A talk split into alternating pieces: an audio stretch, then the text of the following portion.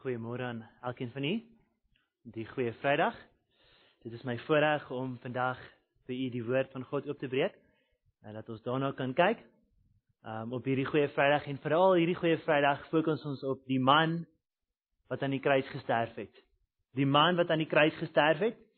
En um ons sien dat die skare wat om hom was, deurmekaar was. Sommige as gevolg van hulle trots, ander as gevolg van net om uit onkunde was hulle deurmekaar oor wie hierdie man was wat aan die kruis gesterf het.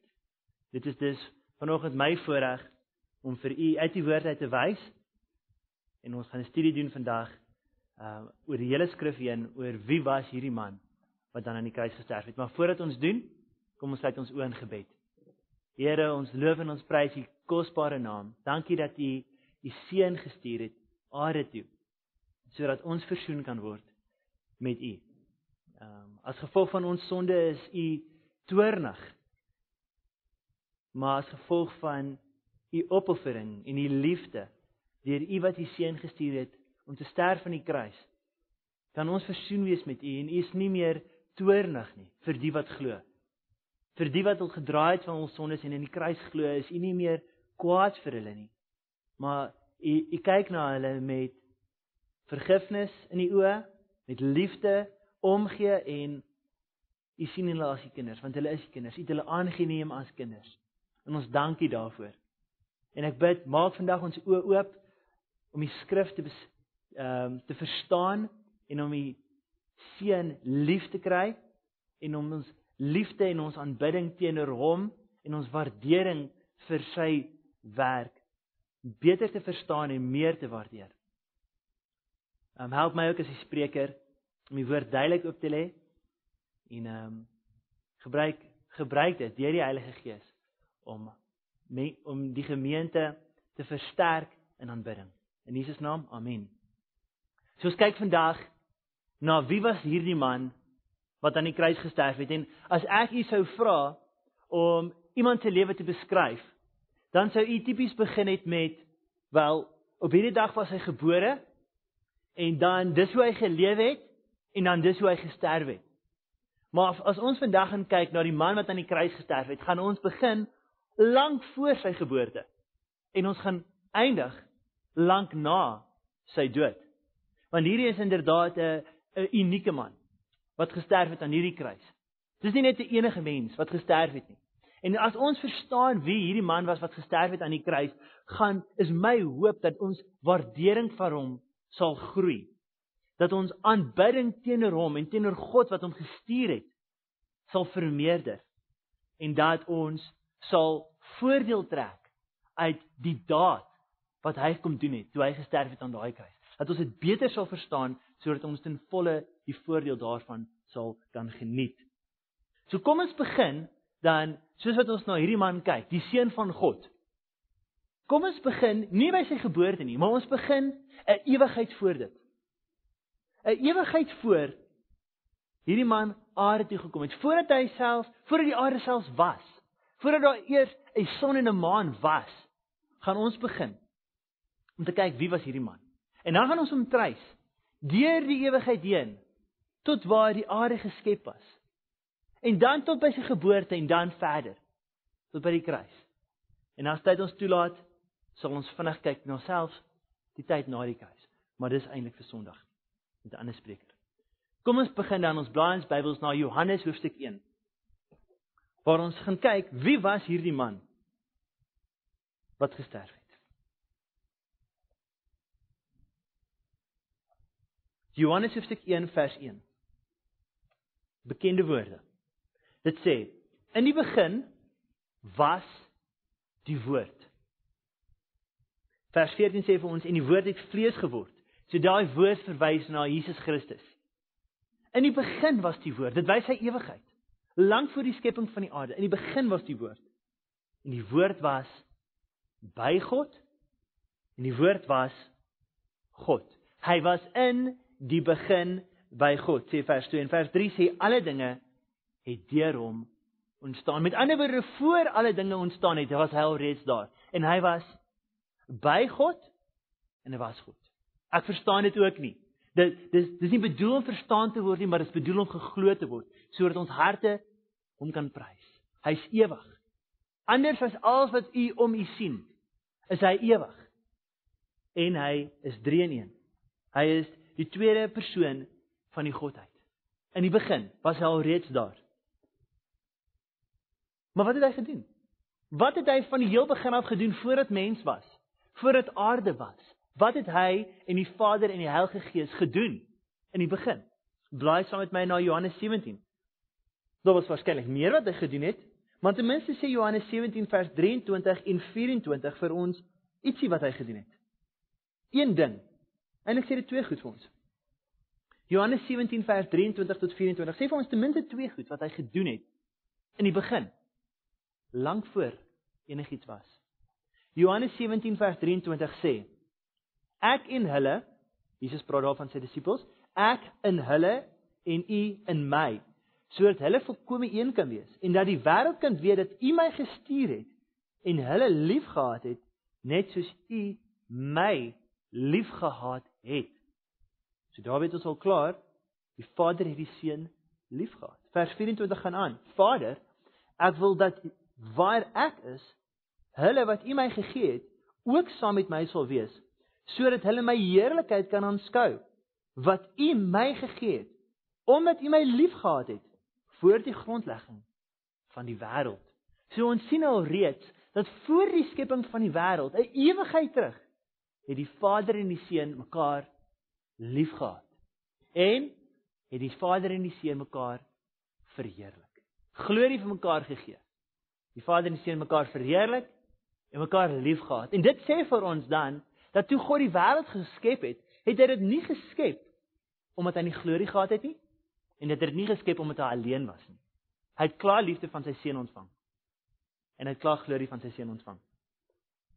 Kom ons skuif dan verder 'n bietjie vorentoe. Dit is nou 'n ewigheid terug. Ons skuif bietjie verder vorentoe in die in die tydlyn. En ons ons ons gaan die ewigheid verder tot waar die aarde geskep is. Vir ewigheid lank het die Vader en die Seun mekaar al reeds liefgehad en geëer. Maar ons skep kyk nou hoe die wêreld geskep was. En ons kyk wat wat het hierdie man wat aan die kruis gesterf het 'n paar jaar later, jare later. Wat het hy gedoen toe die wêreld geskep was? Johannes 1 vers 1. Ons gaan terug na Johannes 1 vers 1. En ons kyk eintlik na vers 3 daarso. Johannes 1 vers 3.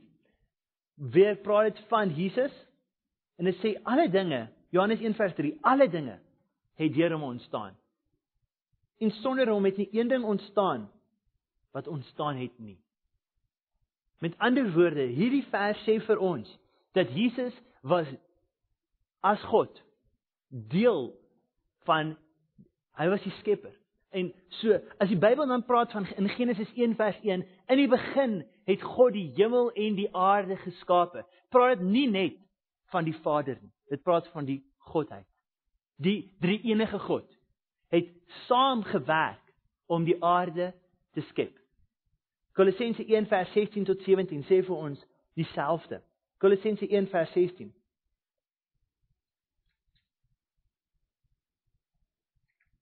Kolossense 1 vers 16 sê want in hom, dis in Jesus Christus, want in hom is alle dinge geskape wat in die hemele en op die aarde is, wat sienlik en is. Trone, sowel as heerskappye en owerhede en magte, alle dinge is deur hom en tot hom geskape. Maar Jesus sien ons dat Jesus is nie net hy was nie net deel as van die Skepper nie. Hy is nie net deel van God nie. Wat die aarde geskep het, maar hy het ook aangegaan na toe nadat die aarde geskep was om die aarde te onderhou. Om die voeltjies wat vlieg se vlerke te help om te klap. Om ons harte te laat klop, om ons longe te in staat te stel om asem te haal. Om die blommetjies van die velde te laat groei. Om reën te gee. Hy het nie net geskep nie, maar hy was deel van God, het hy as God aangehou om die aarde in stand te hou. Kolossense 1:17 gaan aan en dit sê hy is voor alle dinge, met ander woorde beter verhewe bo alle dinge en in hom hou alle dinge stand. Alle dinge hou stand in Christus. En dit as ons nou weer terugkyk na Goeie Vrydag, daai man wat gesterf het aan die kruis, daai oomblik toe hy gesterf het en sy lewe gegee het vir die wêreld, selfs op daai oomblik het hy alle dinge in stand gehou. Die wêreld, die mense wat hom gekruisig het, se harte laat klop. Vir hulle son gegee, vir hulle asem gegee in hom hou alle dinge stand. Hebreërs hoofstuk 1 vers 3 sê dieselfde. Hebreërs hoofstuk 1 vers 3. Hierdie man wat aan die kruis gesterf het, is is ver verhewe bo enige mens.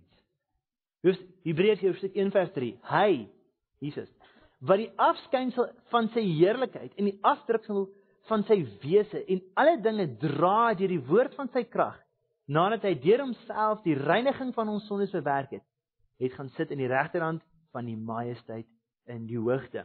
Hierso sê ons sien ons 'n paar goed alreeds van Jesus dat hy die afdruksel is van God, van sy presiese natuur. Jesus is die presiese natuur van God, die afdruksel. En hy sê hy dra alle dinge deur sy woord. Jesus Christus. Hy dra alle dinge deur sy woord nadat hy vir ons sondes gesterf het en dat hy dan opgaan om aan die regterkant van die troon van God te sit. Verhewe posisie bo enige mens, bo enige engel. Hoofstuk 1, Hebreërs hoofstuk 1 die punt. So, daai man wat gesterf het aan die kruis, ons het gesien hy was hy's God en was by God en hy het God verheerlik en die Vader het hom verheerlik en hy die, die Vader liefgehad en die Vader het hom liefgehad, maar in skepping was hy deel as hy was skepper. Hy was saam met die Vader en die Heilige Gees skepper en instandhouder, voorsiener. Maar ons kyk verder. Wat het hy gedoen vanaf die aarde geskape was tot en met sy geboorte? Ons kyk verder na daai periode, want Jesus het in daai tydperk ook verskynings gemaak. Ja, het, met sy geboorte was nie sy eerste verskynsel op aarde nie. Hy het in daai tydperk, vanaf die aarde geskep was tot en met sy geboorte in daai tydperk, het hy ook verskynings gemaak. Dit was tydelik. Dit was nie permanent soos met sy geboorte nie, maar was dit was hy was uit aarde toe gekom en hy het met mense gesprekke gevoer en hy was deur God gestuur as boodskapper en as ehm um, verskeie verskillende take. Onder andere een een groot taak was as 'n boodskapper van God. Kom ons kyk byvoorbeeld na uh Genesis hoofstuk 18. Genesis hoofstuk 18 waar die seun van God aan Abraham verskyn het. Genesis hoofstuk 18.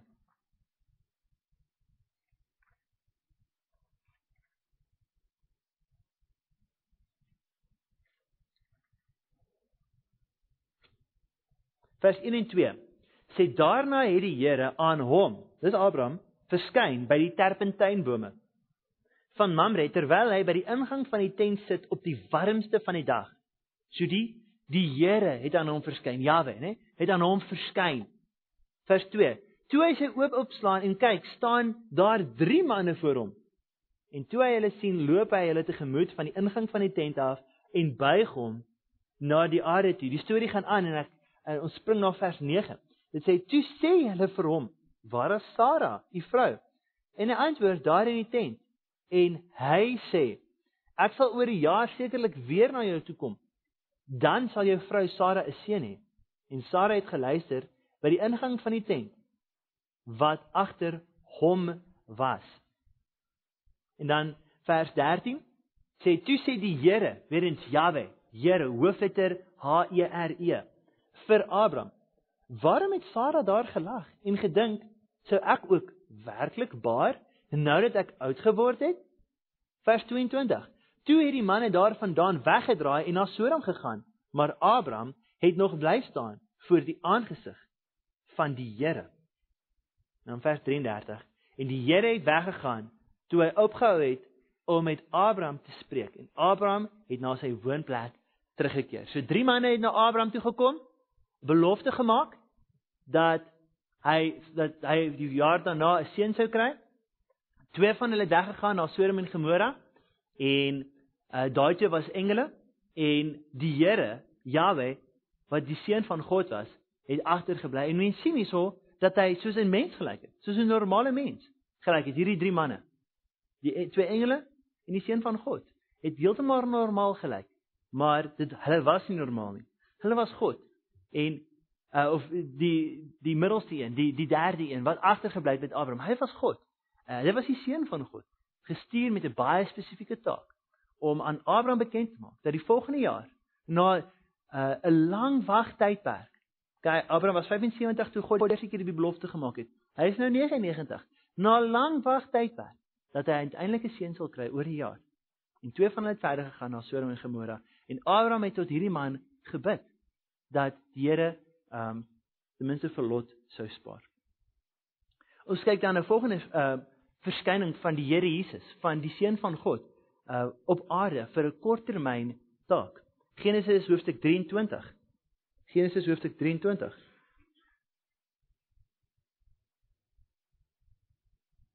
So ek het gesê 23. Ek bedoel 32, jammer. Genesis hoofstuk 32.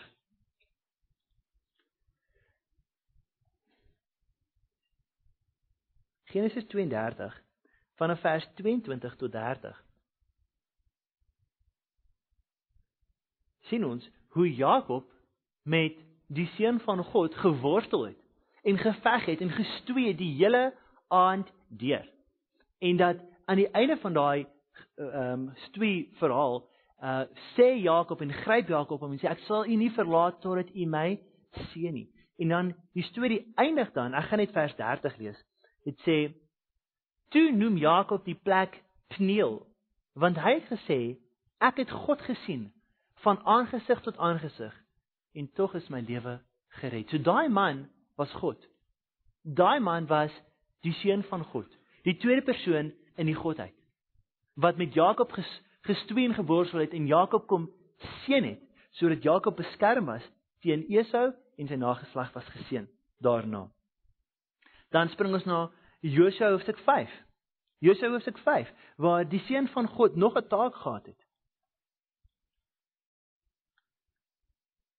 Josua hoofstuk 5 vers 13.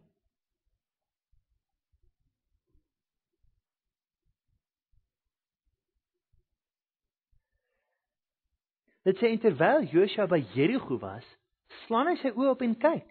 En daar staan 'n man teenoor hom met 'n ontblote swaard in sy hand. En Josua vra, Josua het na hom gegaan en hom gevra: "Behoort jy by ons of by ons vyande?"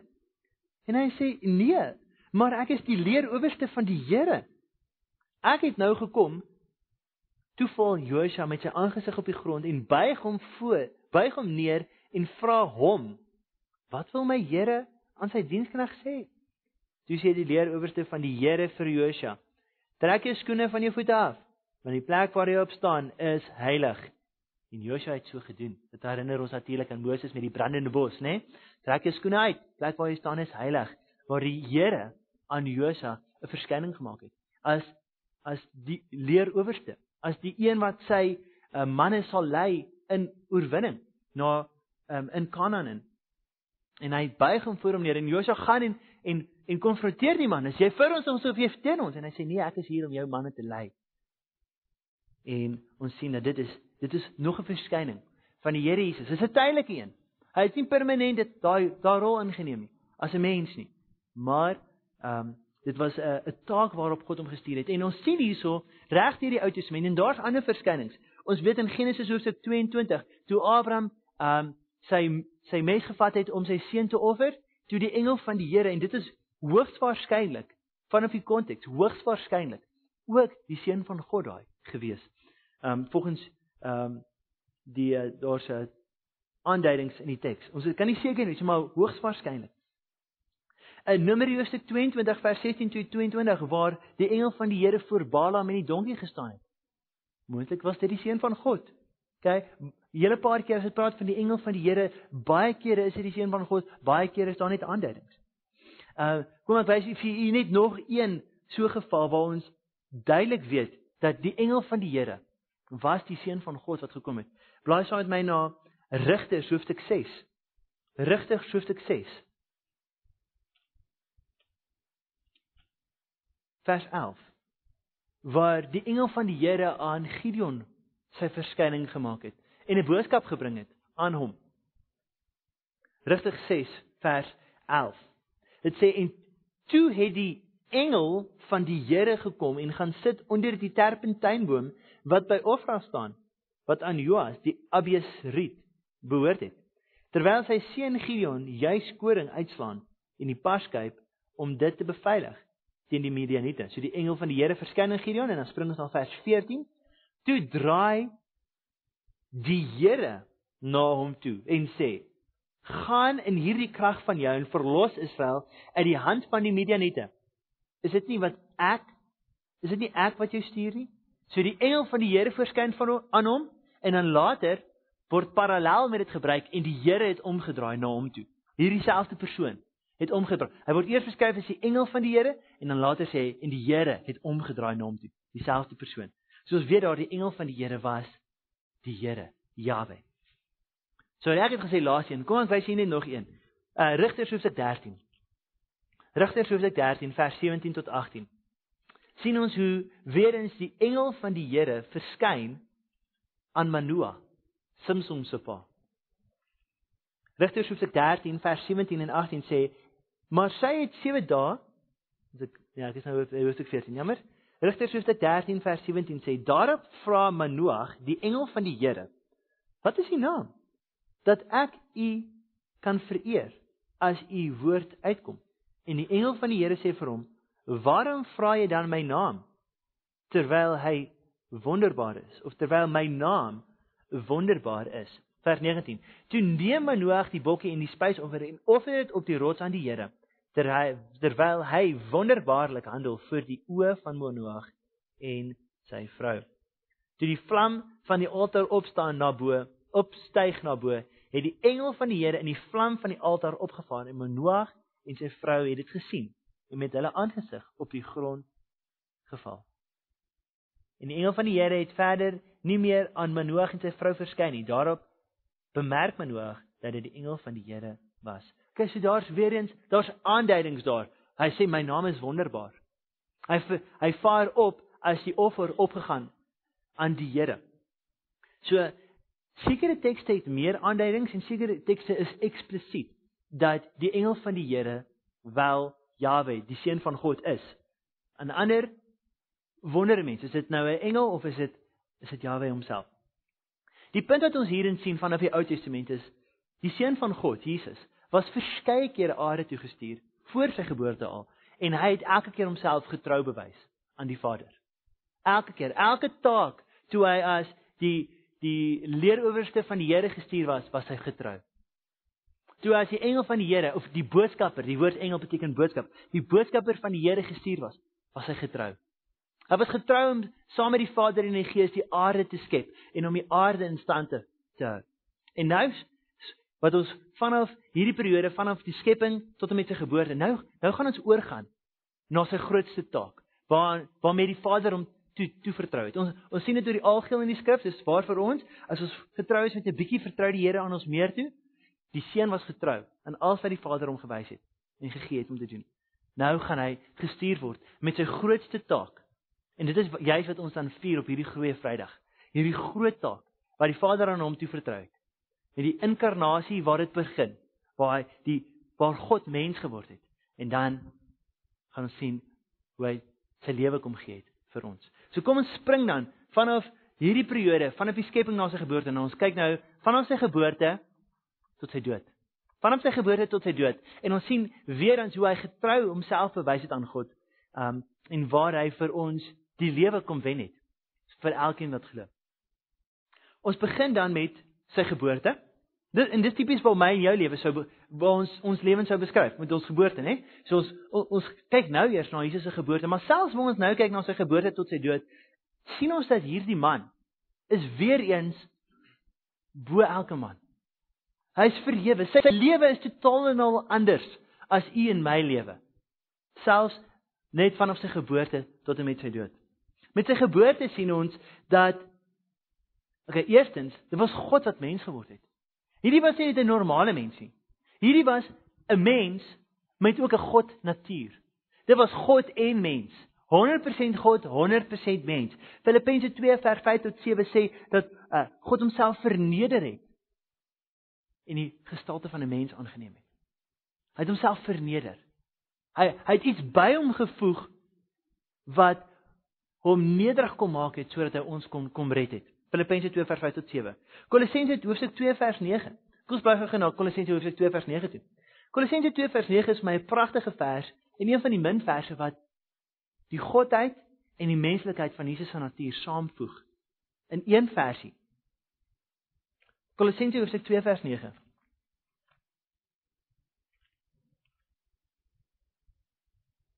Dit sê Kolossense 2 vers 9 sê want in hom, dis in Jesus, in die seun van God, in hom woon al die volheid van die godheid liggaamlik. Die al die volheid van God. Elke bietjie, daar's nie een druppel van God oor nie. Dis nie dat Jesus 'n derde van God is nie. Hy's die volle God. Die Vader is ook die volle God en die Gees is ook die volle God, maar hy's die volheid van God liggaamlik. En en let die woord woon. Dis in die teenwoordige tyd. Dis nie het gewoon nie, dis woon nog steeds. Woon vandag en sal vir altyd woon. Jesus is permanent mens en God en sal altyd so wees. En dit help ons om te verstaan hoe hoe groot opoffering hy hy gemaak het. Dit was nie 'n tydelike menswording soos in die Ou Testament se verskynings nie. Dit was 'n 'n permanente menswording. En hy sal vir ewig, selfs in die hemel met 'n verheerlikte liggaam, mens en God wees. In hom woon die volheid van God, die godheid liggaamlik. In Lukas hoofstuk 2, ek gaan nie die hele teks lees nie. Lukas hoofstuk 2 vers 1 tot 21 beskryf dit dan die geboorte van Jesus. En ons sien dat God wat mens geword het, nie in 'n paleis gebore was nie, maar in 'n stal by die diere. Daar was nie plek vir hom selfs in die herberg nie. Hy moes in 'n stal gebore word. Ons sien sy nederigheid wat hy met mens kom identifiseer het. Die laagste mens, want selfs die laagste mens wat hom aanroep, die nederigste mens, kan gered word. Hy het gekom om te identifiseer met hulle sodat hulle gered kan word. Die eerste mense wat na hom toe gekom het na sy geboorte was herders, eenvoudige mense, mense wat nie hoë aansien gehad het nie. Maar alhoewel hy in nederigheid gebore was, sien ons tog aan die ander kant weer dat dit was dit was 'n wonderwerk wat daai dag gebeur het want dit was 'n 'n maagd wat geboorte gegee het. 'n maagd. 'n Vrou, 'n ongetroude vrou, 'n vrou wat wat nie eintlik in staat is om kinders te kan kry nie, wat swanger geword het en kinders gekry het. En en dit help ons om te verstaan hoe Jesus dan nie die sondige natuur wat ek, ek en u uh, ontvang het. Jesus het nie dit gekry nie. Want hy was net deur 'n vrou. Dit was nie die sondige lyn wat vanaf die man aangedeur getrek word, het nie op hom geval nie. Hy was nie 'n sondaar gebore nie. Hy was heilig gebore. En toe hy gebore was, was dit 'n vervulling van 'n profesie in Jesaja 7 vers 14 wat sê dat die maagd sal swanger word en 'n seun baar. En dan sê dit hulle sal hom Immanuel noem. Immanuel, dit beteken God met ons. Jesus was inderdaad nie 'n normale mens nie. Hy was 'n normale mens, maar hy was ook God. En dis God met ons. God wat aarde toe gekom het om ons te red. Hy hoef dit nie te gedoen het nie. Hy het dit nie vir die engele gedoen nie. Maar dit vir ons kan doen, mense.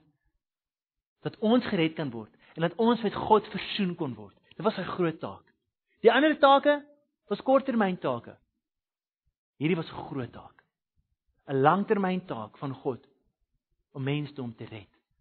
Vir elkeen wat glo, van elkeen wat sal draai van hulle sondes. Ons ons gaan dan oor na vanaf Jesus se geboorte na Jesus se kinderdae toe hy 1 of 2 jaar oud was. Matteus hoofstuk 2 vertel vir ons. Kom ons bly na Matteus hoofstuk 2 toe. Matteus hoofstuk 2 vertel vir ons dat in sy jong dae, baie baie jong, toe hy nog baie jong was, het daar wyse manne van die ooste gekom. Ons weet nie hoeveel nie. Het daar gekom en hulle het offergawes gebring aan hom.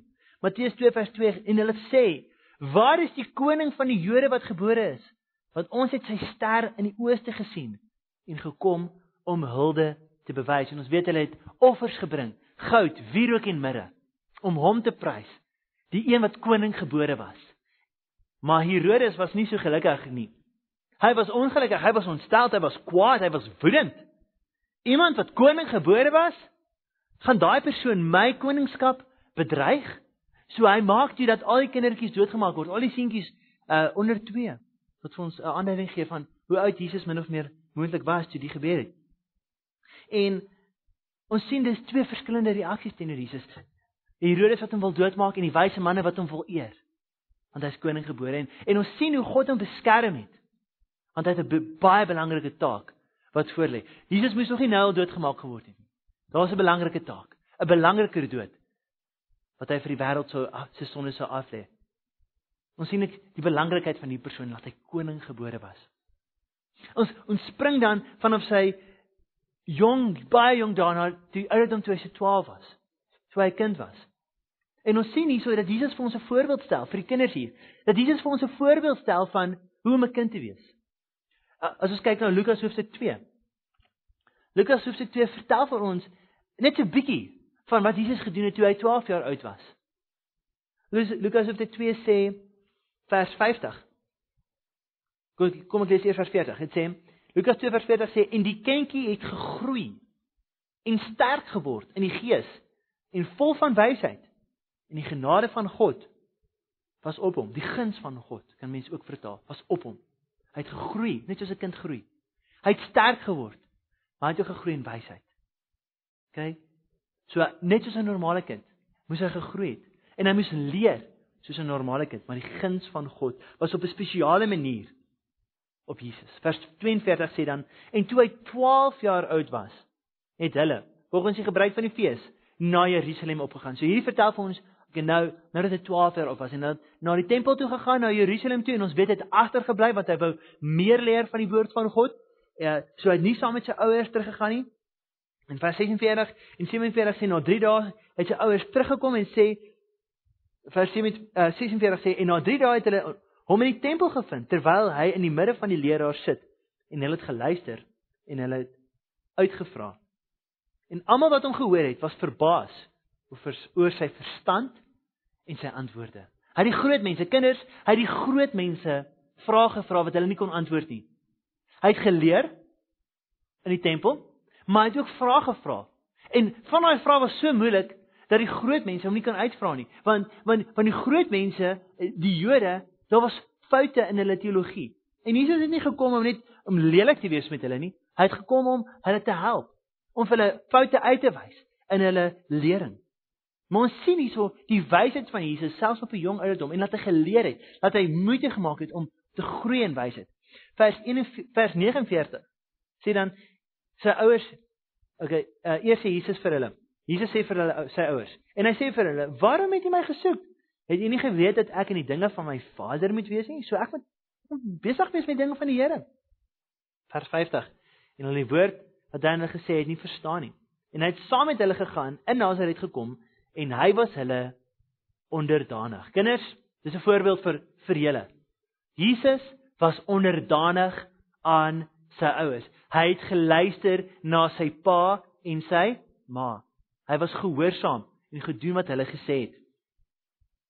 En dit gaan dan aan in vers 52 sê en Jesus het toegeneem in wysheid, in grootte en in guns, genade, guns by God en die mense. Hierdie keer sê dit by die mense. Die mense het ook van hom gehou. Die mense het ook guns teenoor hom kom bewys. Die mense het hom gerespekteer. So, ons sien selfs in Jesus se kinderdae en hoe hy groot geword het, was hy onderdanig, hy het gegroei, hy het geleer en mense en God het hom guns bewys. Ons spring dan van Jesus se kinderdae na Jesus as 'n groot mens. Die ouderdom van 30 tot 33 waar hy op die ouderdom van 30 was die normale tyd vir die Joodse leraar om sy verskyning te wys en dan vir die mense te begin leer van God en van die woord. En so ons spring dan daarna toe en kom ons bly eers na Matteus hoofstuk 4, 4 vers 17. Jy sien natuurlik ons spring, ons kyk nie na alles en ons kan nie na alles kyk nie. Dis te veel. Maar net 'n paar blikke uit Jesus se lewe, uit die seun van God se lewe wat gaan maak dat ons ons verstaan net 'n bietjie beter agtergrond hê van wie was hierdie man wat gesterf het. Matteus 4 vers 17.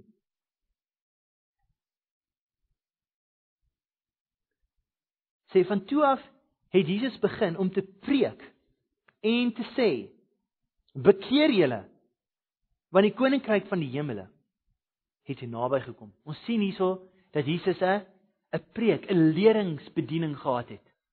Hy het gepreek en dit was na nadat Johannes die Doper in gevangenis geneem was, dat hy teruggetrek het het Jesus gekom en hy het begin leer. Bekeer julle. En ons sien dit is nie net 'n lighartige boodskap wat hy verkondig het. En hierdie is nie net daai dag hierdie hierdie woorde bekeer julle want die koninkryk van God het gekom. Dit was 'n 'n boodskap wat sy bediening opgesom het. Bekeer julle. Dit was 'n 'n 'n boodskap wat na die hart toe gegaan het. Dit was 'n boodskap wat ewigheidswaarde gehad het. Hy wou nie net mense se ore streel nie. Hy het gesê bekeer julle. En mense kan sien hoe hy dit gepleit het oor die mense. Asseblief mense. Dit was sy lewensboodskap. Bekeer julle. Van julle sondes draai, die woord bekeer draai weg. Verander jou gedagtes oor jou sondes. Draai van dit af weg en draai na die Here dat jy die koninkryk van God kan beerwe. Bekeer julle. Dit dis die eerste ding wat ons sien van Jesus. Hy het 'n preekbediening. As ons blaai na Matteus hoofstuk 7 vers 28 tot 29.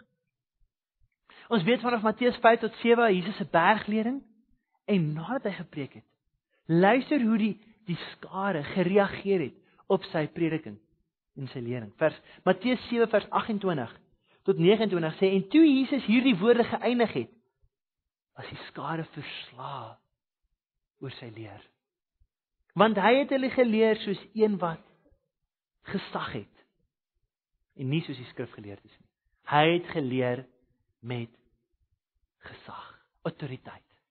Nie soos die skrifgeleerdes, nie soos die fariseërs in daai tyd nie. Hy het ge onderrig gegee met gesag. En toe hy van die berg af kom, Matteus 18:9, sien ons dat hy 10 wonderwerke gedoen het. En elkeen van daai wonderwerke, die doel daarvan is om te wys sy gesag. Sy gesag oor die water, sy gesag oor demone, sy gesag oor oor die sig, sy gesag oor die spraak. Sy gesag om mense gesond te maak, sy gesag om mense uit die dood uit op te wek. Sy gesag oor elke aspek van die wêreld. Jesus het nie net dit gesag geleer nie, maar ons sien daar, hy het gesag oor alles. En die mense het nie net gedink hy het gesag nie, hy het werklike gesag en ons moet luister vir hom. So hy het 'n leringsbediening. Ons ons sien met die wonderwerke wat hy gedoen het dat hy liefde getoon het. Hy het ware liefde getoon teenoor Jairus se dogter. Jairus was 'n belangrike persoon, sy dogtertjie het hy kom opwek. Maar toe die toe hy op pad was na Jairus se dogter om haar op te wek, toe toe raak 'n vrou wat vir 12 jaar lank 'n uh, 'n bloedvloei gelei het, raak aan hom en hy word sy word ook gesond onmiddellik. En en Jesus kyk na hom en sê: "Jy geloof het jou genees." Jesus het liefde vir iemand belangrik, maar net soveel liefde vir iemand eintlik in die samelewing se oë onbelangrik. Ons sien sy liefde en ons sien sy heilige lewe. Matteus 4 waar in die woestyn ingelei was deur die Heilige Gees 40 dae nie geëet nie. Drie keer deur die duiwel versoek. Elke keer deur die woord het hy die woord gebruik om die duiwelse versoekings te weerstaan. Hy het 'n heilige lewe gelei. Maar ons spring dan van Jesus se se lewe 30 tot 33 toe hy begin onderrig gee na die einde van sy lewe. Dis veral waarop ons dan fokus. Dit gaan nie dit gaan nie 'n hele diens wees. Dit gaan nie 50 minute lank wees wat ons hier op fokus nie. Maar dit is die die hoogtepunt van sy lewe. Sy sterwe. Sy sterwe. Blaai saam met my na Matteus 26. Matteus hoofstuk 26. Ons sien met Jesus se sterwe. Die oploop tot sy sterwe het hy geleer weer eens en hy het die nagmaal geniet um, en ingestel uh, dat die, die dit van daai dag af um, herdenk moet word die die dood en die uh die die liggaam en die bloed van Jesus wat gestort is en laat ons dit vier herhaaldelik en gereeld maar daarna het een van sy eie een van een van die 12 wat hy opgelei het wat saam met hom vir 3 jaar lank gestap gestap het wat in beheer was van die finansies het daai een hulle kom verraai en hom kom verkoop vir die vir die prys van 'n slaaf. 30 stukke silwer. En hy het die Joodse raad en uh, die die Romeine, die Romeinse soldate na Jesus toe gebring, uitgelei in die middel van die nag asof hy 'n dief was, asof hy weg sou jaag en hom met swaarde gekom om hom te arresteer in die middel van die nag. Matteus 26 vers 47. En terwyl hy nog spreek, daar kom Judas, een van die 12, en saam met hom 'n groot menigte met swaarde en stokke, gestuur deur die owerpriesters en ouderlinge van die volk. En sy verraaier het vir hulle 'n teken gegee en gesê die een wat ek sal soen dit is hy gryp hom. Dadelik gaan hy na Jesus en sê gegroet rabbi. En hy het hom gesoen. Maar Jesus sê vir hom vriend waarom is jy hier? Toe kom hulle nader en slaan die hande aan Jesus en gryp hom Kyk ons ons weet die storie dat Petrus hom uh die uh die diensknegt se se oor afgesny het en en uh, Jesus wat die oor teruggesit het. En dan sê Jesus in vers 55: In daardie uur het Jesus vir die skare gesê: "Het julle soos teen 'n rower uitgekom met swaarde en stokke om my gevange te neem? Dag vir dag het ek by julle gesit en leer in die tempel en julle het my nie gegryp nie." Jesus kyk reg deur Judas Iskariot se se wat is hipocrisie, se se skynheiligheid. Hy kyk reg deur dit en sê moenie my so nie, moenie maak asof jy my vriend is nie. Doen wat jy gekom het om te doen. En hy sê vir die Romeinse soldate uh, wat deur die leeroowerstes van die Jode gestuur was, daagliks was ek by julle. Nou kom julle in die middel van die nag na my toe uit met swaarde en stokke. En ons sien Jesus het hulle gevolg. Hulle het nie nodig gehad nie. Hy het hulle gevolg want hy het gekom om sy lewe af te lê vir die skape. Sê Johannes 10. sien dan daai skyn heiligheid waar waarmee hy gearresteer is en en toe weet ons dan in Matteus 26 twee kere word hy dan eerste keer word hy voor die Jode ge ge ondersoek en geondervra en dit sê daarso dat hulle die die die hoofpriester het mense gesoek om valse lering te bring kan jy indink jy gaan na die hof toe en die regter soek mense om valse lering in te bring en verlang bring hulle valse lering en sê kom mense kom. Bring nog valse lering. Iemand kom nou. En uiteindelik het twee mense dieselfde ding gesê. Twee mense het gesê hy het gesê hy gaan die tempel afbreek en dit in 3 dae weer opbou. So heeltemal buite konteks aangehaal. Twee mense uiteindelik. En die hoofpriester sê, het jy niks vir jouself te sê nie, asof hierdie mense 'n punt beet het. Asof niemand in hulle logiese verstand sou sou dink hy het 'n punt beet nie. Asof hy 'n punt beet het, sê die hoofpriester, het jy niks om vir jouself te sê nie. Jesus bly stil. Eers en ek, jy sê Kos lees wat hy sê. Voordat ek voordat ek die uh die punt van die teks ehm um, weggee. Matteus 26 vers 46 en Jesus antwoord hom: U het gesê U het gesê, ek is die seun van God. U het dit gesê. Maar ek sê vir u almal, van nou af sal u die seun van die mens sien, sit aan die regterhand van die krag van God en kom op die wolke van die hemele. So Jesus, ons weet deur sy aardse bediening bly stil en hy sê vir mense moenie vir mense gaan vertel wie ek is nie. Moenie. Hy maak mense gesond. Moenie die woorde verklaar wie hy is en hy sê bly stil. Maar op hierdie punt sê vir almal Op hierdie punt waar hulle hom gaan kruisig, sê hy vir die eerste keer duidelik en vir almal: Dit is wie ek is. Ek is die seun van God. En jy gaan die seun van die mens wat Daniël op 6:7 terugverwys, gaan jy sien terugkom op die wolke as Messias en hy gaan heers. En die hoëpriester skeer sy klere en sê dis godslastering en hulle hulle slaan hom en hulle vat hom toe uit na die Romeine, Romeinse, want die Romeinse ehm um, ondervraging. Want die Jode het die reg gehad om hom te beoordeel om te sien dat hy skuldig was. Maar die Romeine het die reg gehad om te sê hy moet gekruisig word. Die Jode het nie die reg gehad om te sê dat hy gekruisig moet word nie. En hulle die Romeine sou nie 'n saak geaanvaar het as hy nie eers skuldig bevind was deur die Jode nie. Daarom is hy deur albei groepe skuldig bevind word. Maar nie die een van hulle was hy werklik skuldig bevind nie. Want by die Romeine, die Romeinse uh, kansel um, en ondervraging was hy weer eens net so um onskuldig. Hy hy het stil gebly toe hulle allerlei aanklagte gebring het sodat Pilatus verstom was. Wow, wie is hierdie man wat kan stil bly wat sy gees so kan beheer terwyl in in hierdie druk situasie dat hy nie net 'n antwoord gee nie, maar hy bly net stil want hy weet hulle soek nie 'n antwoord nie. Hy weet hulle wil hom doodmaak. So hy bly net stil. Hy bly net stil.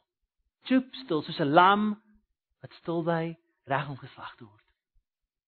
En uiteindelik sê Pilatus sê Pilatus stuur hom eers na Herodes toe probeer om die saak van sy hande af te kry. Herodes stuur hom terug.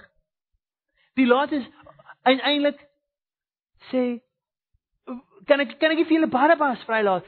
Tussen Barabbas en Jesus en hy wou gehad het hulle moes Jesus laat vrylaat het want Pilatus geweet hy's onskuldig. Die Jode laat vir Barabbas vry. Pilatus probeer om uit die situasie uit te kom en uiteindelik weet Pilatus nie meer wat om te doen nie. Of hy moet Jesus vrylaat wat die regte ding sou wees, maar dan sou die Jode 'n optog begin het. En dan kon hy moontlik sy werk verloor het. Of hy maak die Jode gelukkig, maar hy doen 'n sonde en hy laat Jesus oor om gekruisig te word, iemand wat hy weet was onskuldig. Op die einde het hy besluit om die Jode gelukkig te maak, sy werk te hou, aansien te behou met die met die keiser. Vir Jesus oor te laat om gekruisig te word en hy was geslaan met stokke, hy was gespot voor die he hele Romeinse bataljon. Ehm um, sy klere was uitgetrek, hy was ander klere gegee um, om hom te spot, 'n koninklike kleed van Pilatus. Daarna was daar 'n doringkroon op hom gesit wat baie seer moes wees, maar ook 'n bespotting. Daar was hom 'n staf gegee as 'n riet wat gesê 'n koning moet mos 'n staf hê, 'n koning moet mos 'n kroon hê. En daarna vat hulle die staf van hom en hulle slaan hom met die staf en hulle trek weer sy klere uit. Daai hele proses moes baie vernederend gewees het. Hulle gee hom weer sy eie klere terug en hulle lei hom uit om gekruisig te word. Ons is dan by Matteus hoofstuk 27 waar ons aan die kruisiging sien. Matteus hoofstuk 27. En dit sê vers, kom ek lees vers 33. En hulle het gekom op 'n plek van Golgotha, wat Golgotha genoem word. Dit beteken plek van die hoofskedel. En vir hom asyn met gal gemeng gegee om te drink. En toe hy dit proe, wou hy nie drink nie. En nadat hulle hom gekruisig het, het hulle sy klere verdeel deur die die lot te werp sodat dit vervul sou word wat deur die profeet gespreek is. Hulle het my klere onder mekaar verdeel en oor my kwaad die lot gewerp. En dit gaan sit om hom daar te bewaak. Vers 37 en bokant sy hoof het hulle sy beskuldiging in skrif opgestel. Dit is Jesus, die koning van die Jode. Toe word daar saam met hom twee rowers gekruisig, een aan die regter en een aan die linkerkant, en die verbygangers het hom gesmaat terwyl hulle hul hoofde geskit het en sê: "U wat die tempel afbreek in 3 dae, opbou, red jouself as u die seun van God is, kom af van die kruis." En so het ook die owerpriesters saam met die skrifgeleerdes en ouderlinge gespot en gesê: "Ander het hy verlos, homself kan hy nie verlos nie." Vers 44. En op dieselfde manier het die rowers wat saam met hom gekruisig was, hom ook beledig. So ons sien dus met Jesus se kruisiging was hy gespot. Hy was verskriklik erg gespot. Die Romeinse soldaat het voor hom neergebuig en sê: "Ha, uh, salig aan u, prys u koning van die Jode met 'n doringkroon en 'n staf, as 'n riet as 'n staf en 'n koningskleed. Heil!" En hom toe daarna geslaan. Hy het hom gespot. Verskriklike spotting. Selfs die die verbygangers toe nou uiteindelik gekruisig was, die verbygangers verbygeloop en hulle koppe geskit en ges hom gespot en gesê hy kan nie eers homself red nie. Hoe kan hy ander mense red? En toe die owerpriesters, die fariseërs, die mense wat beter moes weet. Die mense wat aansien gehad het, die mense wat die mense sou gevolg het. Spot hom net so. En toe die rowers meer as een rower wat hom gespot het. Die laagste van die laagste spot vir Jesus. Wat vir ons wys hoe laag hy kom neerdaal het dat ons gered mag word van ons sondes. Hy die die die vernedering van die wêreld op homself geneem dat ons vergewe kan word. Dat ons geëer kan word as God se kinders. En die smaad wat hy hanteer het, die doringkroon, die slaan, die gesel. Jy weet wat gesel is? daar's hier langer 'n lat en dis dis lyk soos 'n korter lat met meer ehm um, ehm um, kan mens sê rubber, meer dele wat jy sal slaan, maar aan daai rubberpunte was daar klein stukkies been. Klein stukkies been ehm um, wat uh, wat dan in jou ingeslaan. En dan as dit uitgetrek word, sou 'n deel van jou vleis saam met dit trek. En dit was daarmee gegeesel. Dit was baie seer. Doringkroon en uiteindelik was hy gekruisig. Spyker deur elke hand, spyker deur sy voete en daar gehang. Hy daar gehang sodat ons gered kan word. Die seun van God, die een wat die wêreld geskep het, wat voor die wêreld geskep was, al was. Verhouding met God gehad het, liefde, God verheerlikheid. Wat die wêreld in stand kom hou het, wat verskeie take gehad het op aarde, wat gebore was uiteindelik en die groot taak van God kom doen het. Uitgehang. Hy het sy lewe kom gee. Uitgestort, sy sy bloed het gevloei dat ons gered kan word en uiteindelik uiteindelik het hy die woorde gesê kom ons lees dit vers 46 en omtrent die 9de uur het Jesus met 'n groot stem geroep en gesê Eli Eli lema sabachthani dit is my God my God waarom het u my verlaat want toe Jesus gesterf het die grootste pyn wat hy ervaar het was nie die mense se spot nie was nie die mense se latte nie Dit was twee ander goed. Dit was die sonde van die wêreld op hom gekom het. U sonde en my sonde. Elke sonde van u gedagtes, van die woorde, van die dade, van elke mens wat ooit sou lewe, van 'n ewigheid terug, van Adam en Eva tot tot en met die laaste mens wat ooit sou sondig. Elke sonde wat hulle elke dag sou lewe. Ek dink daar's 7 daar's 8 miljard mense op aarde vandag. Volgende generasie is daar nog 8 miljard mense. Die generasie daarna is daar nog 8 8,5 miljard mense elke persoon se elke sonde wat hulle elke dag sou doen het op hom gekom die heilige seun van God wat wat nie sonde ken nie het op hom gekom en toe was hy gestraf deur deur die Vader die sonde se die wraak van God het op hom neergedaal Jesaja 53 vers 10 dit het die Vader verheerlik om te verbrysel Vader het hom verlaat. Hy kan nie sonde hanteer nie. Hy kan nie naby hy sondaar kom nie. Hy hy verwerp sonde. Die Vader het hom verlaat. Die Vader het hom verbrysel. Ons ons op Sondag sal u ek glo sien dat hierdie Jesus het nie net gesterf nie, hy het ook opgestaan. Maar dis vir 'n volgende keer. Vandag wil ek vir u vra. Ken u hierdie Jesus? Het u al u sondes vir hom bely? het U al weggedraai van die sondes. Dis nie net genoeg om die sondes te bely vir hom nie. Jy moet wegdraai daarvan. Dis wat bekering is, 'n wegdraai van die sonde.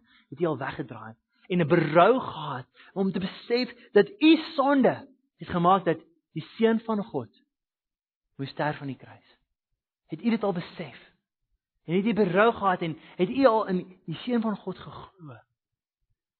En vir hom gesê, Here, dis my enigste hoop dat my sonde skuld vir die Vader, my sonde skuld vir die Seun en vir die Gees, my sonde skuld weggevee kan word. Want Jesus gesterf het aan daai kruis, het hy nie net die latte gevat nie, en nie net die spotting gevat van die mense nie, maar die wraak van God op hom geneem. Sodat die wraak van God nie meer op u en op my hoef te kom nie, vir elkeen wat sou glo en elkeen wat hom bekeer. Kom ek sluit af met een vers. Johannes hoofstuk 3 vers 36.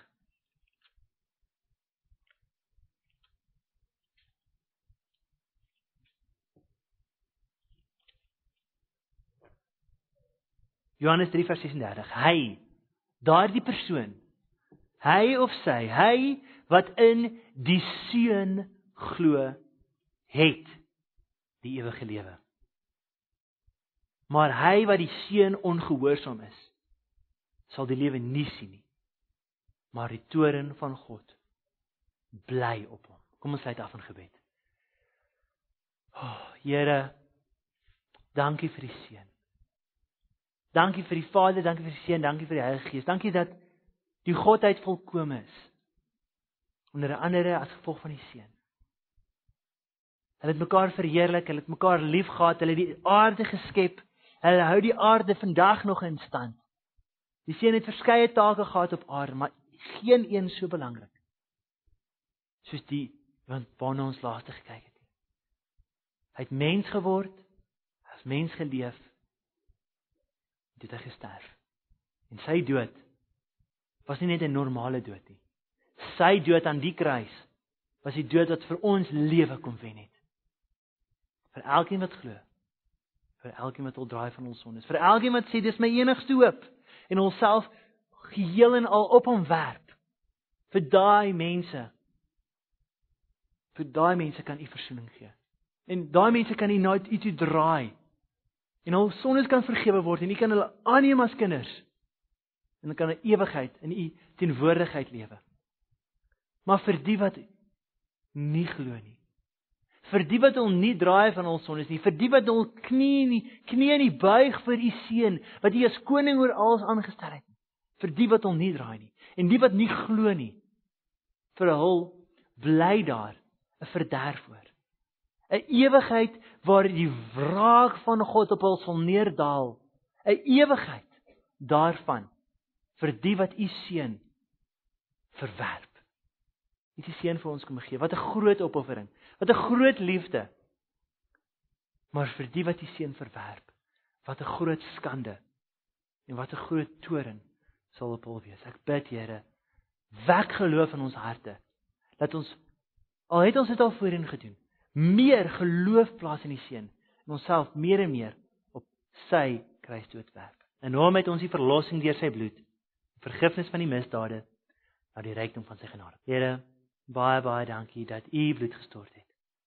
Dankie dat elkeen wat glo, vergifnis en verlossing mag ervaar. Ek bid vir die gemeente, vir elkeen wat al reeds hul geloof in die seun geplaas het. Dat u hulle sal seën. Dat u Hulle sal uitgaan met die vreugde van die Here, met harte vol van dankbaarheid en harte wat in afwagting is om enigiets seën te sien as op die wolke kom. En ek bid vir die wat U nog nie ken nie, dat vandag die dag sal wees van verlossing. In Jesus naam. Amen.